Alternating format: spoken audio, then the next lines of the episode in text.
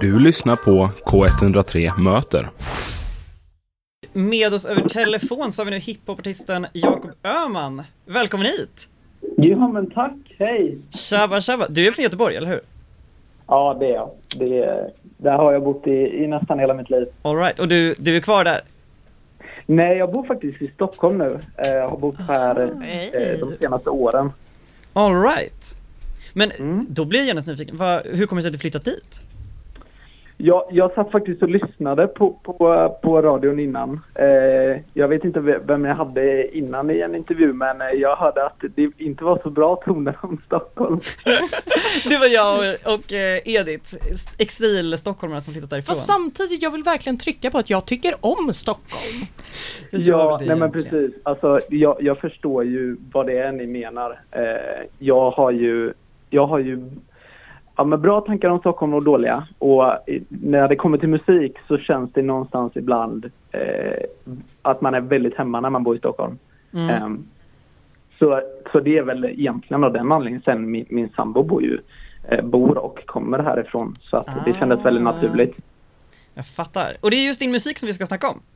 Eh, Ja, för precis. just idag har ju du släppt vad, vad du betyder för mig. Och Ja. den handlar just om kärlek. Kanske något om din sambo? Eller? Mm, Det gör det Ja, faktiskt. ja, det gör den. Eh, alltså en textrad som jag fastnade lite för var 8, miljo- 8 miljarder som finns i vår Mm. värld. Ingen som har träffat har något av det där. Alltså vad, vad är det där som du ser i just, just den personen, eller just henne? Liksom? Nej, men alltså det var väldigt kul, eh, väldigt kul att jag får respons eh, på det. Mm. Ehm, man vet ju aldrig om, om, någon, eh, om någon analyserar texten så mycket. Mm. Men jag skulle väl säga, alltså, när jag skrev det så, så kände jag bara, eh, jag kände väl bara att hela, alltså, hela världen finns det ju, ja det finns ju hur mycket människor som helst. Mm. Och, eh, och jag, jag googlade faktiskt och kollade ja, hur många människor finns det på, på vår planet och då, Är det då var åtta det miljarder? 8 miljarder. Yes. Ja, eh, och sen, sen bara matcha det med att, för jag vill ju få fram att liksom, det är så sjukt att man kan ha träffat någon eh, när det finns så extremt mycket människor och så Mm. har man träffat någon som man ver- verkligen känner är den rätta. Eh, så jag tyckte det, det blev catchy och det, det passade in där så, så det blev så. Ja, jag tycker det är en fin, en fin rad. Eh, Ja, men tack. på din Spotify-profil så står det, förutom att du är en hiphopartist med popinfluencer, att eh, det påminner lite om samma sound som typ Post Malone, Blackbear. Alltså vill du berätta lite, vilka är dina inspirationer när du gör musik? Ja, men jag skulle vilja säga att jag har olika inspirationer. Eh, väldigt, väldigt mycket olika. Jag är en sån som, jag vet att många är det också, som lyssnar på allt möjligt. Mm. Alltså, och, och jag menar hiphop eh, är väl min go-to när det kommer till eh, ja, men utomlands och, och liksom global musik på det sättet. Men, Mm. eh, men när det kommer till eh, svensk musik så lyssnar jag väl lite mer på ja, men det, klassis, alltså, det klassiska stuket som till exempel Mares gör och, och liknande. Mm, Eh, så att jag gillar, jag gillar när texterna har en väldigt alltså en betydelse och faktiskt en handling som, ja, men som både, både är jordnära och liksom man känner, man känner igen sig själv i den. Texterna är det viktiga för dig liksom. Ja men verkligen. Men sen så älskar jag ju hiphopmusik. Eh, så att jag vill ju göra en kombo däremellan med, med det, ja, men det kaxiga bitet. Eh, men ändå hålla en väldigt, eh, ja nu romantisk då, eh, lyrik. Mm. Eh, vilket, vilket jag tycker blir, ja men det blir svinfett och det är så cool, coolt att få göra det själv. För jag har inte sett så många göra just den kombon. Mm. Jag fattar vad du menar och jag gillar den, jag gillar den kombinationen. Ja men vad kul. Alltså i din musik så, alltså man, man hör ju liksom lite om, ja men tidiga utmaningar i kärleksliv som då till exempel på låten Okej för mig som du släppte för ganska exakt två år sedan. Eh, Ja, jag såg att den har, alltså den har 130 000 streams, jag undrar, alltså var kommer alla lyssnare ifrån? Eh, egentligen tror jag väl det har att göra med, eh, med när jag var yngre. Alltså jag höll ju på med sociala medier när jag ja, jag var så liten. Jag, jag började med sociala medier när jag var 11 tror jag. Oh shit! Eh, Ja, och alltså som här, liksom var en profil typ? nej, nej, det skulle jag inte säga. Utan det var liksom, jag fick 500 följare, eller prenumeranter då på Youtube och du vet, det var världens grej. Mhm. Eh, och sen, sen när jag fyllde 12 eh, så, så hade jag växt lite grann men då kom jag ihåg att då, då släpptes en app som hette, som hette Musical.ly. Det som sen har blivit TikTok, eller hur? Precis, som Kina köpte upp och, och nu heter den TikTok. Och, och där, jag började ju så extremt tidigt och bara lägga upp, jag la upp allt. Jag Mm. ville liksom dela mina Youtube-videor där, jag ville, så det var, det var väldigt oklart content egentligen. Jag la upp mycket sådana här, ja, ni vet så här meme-videor som man kanske inte jättestolt över idag. Eh, Det var väldigt gott Men- blandat. Ja men verkligen och, och, och det tog fart som satan. Jag menar, eh, jag tror jag fick, jag vaknade upp och fick 100 000 följare under en natt från att ha gått från 5 000. Ursäkta, va? Ja, och det var liksom så här, jag vet inte vad, vad som hände med algoritmen men det fanns inte så mycket plattformar i Sverige då på Men Musical.ly. Det är helt sjukt! Får jag fråga, vilket Ja. år var det här ungefär?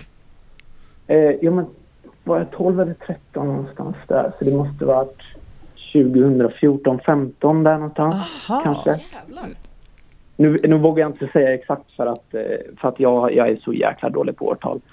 Ehm, Men, ja, men, men så var det och, och, och sen, sen, sen och då, då var jag tillsammans med mitt ex och ditten datten, hon höll också på med det. Eh, Mm. och, och vi körde liksom det tillsammans jag och hon. Och, eh, ja, och vi båda växte något enormt.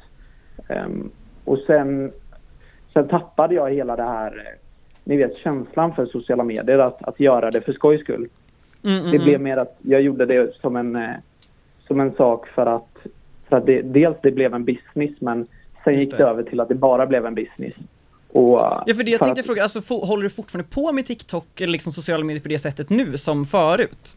Nej, Nej, absolut inte. Nej. Och, och det, det är väl därav eh, trafiken inte är detsamma för jag, jag fick ju väl nästan en, en miljon följare tror jag jag hade Oh my eh, god. där ett tag.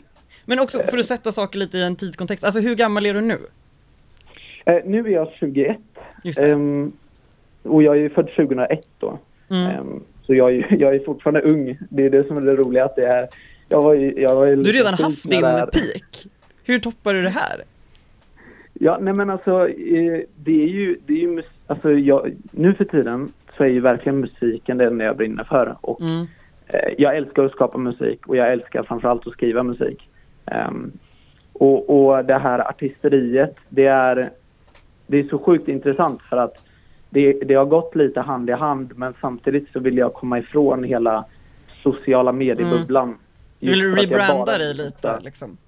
Jo men absolut, så är det ju. Och, och, och jag menar jag har ju suttit, jag har ju suttit och stängt av mina sociala medier under över ett års tid, eh, två år. Mm. Eh, Men det var, nu var det några år sedan och bara gjort musik. Ehm, och, och jag menar, Ja, för Det det, blir- det jag tänkte också fråga just att din förra låt kom i oktober då 2020. Berätta mer, alltså vad, vad har hänt sedan dess? Vad, vad har du gjort efter det liksom?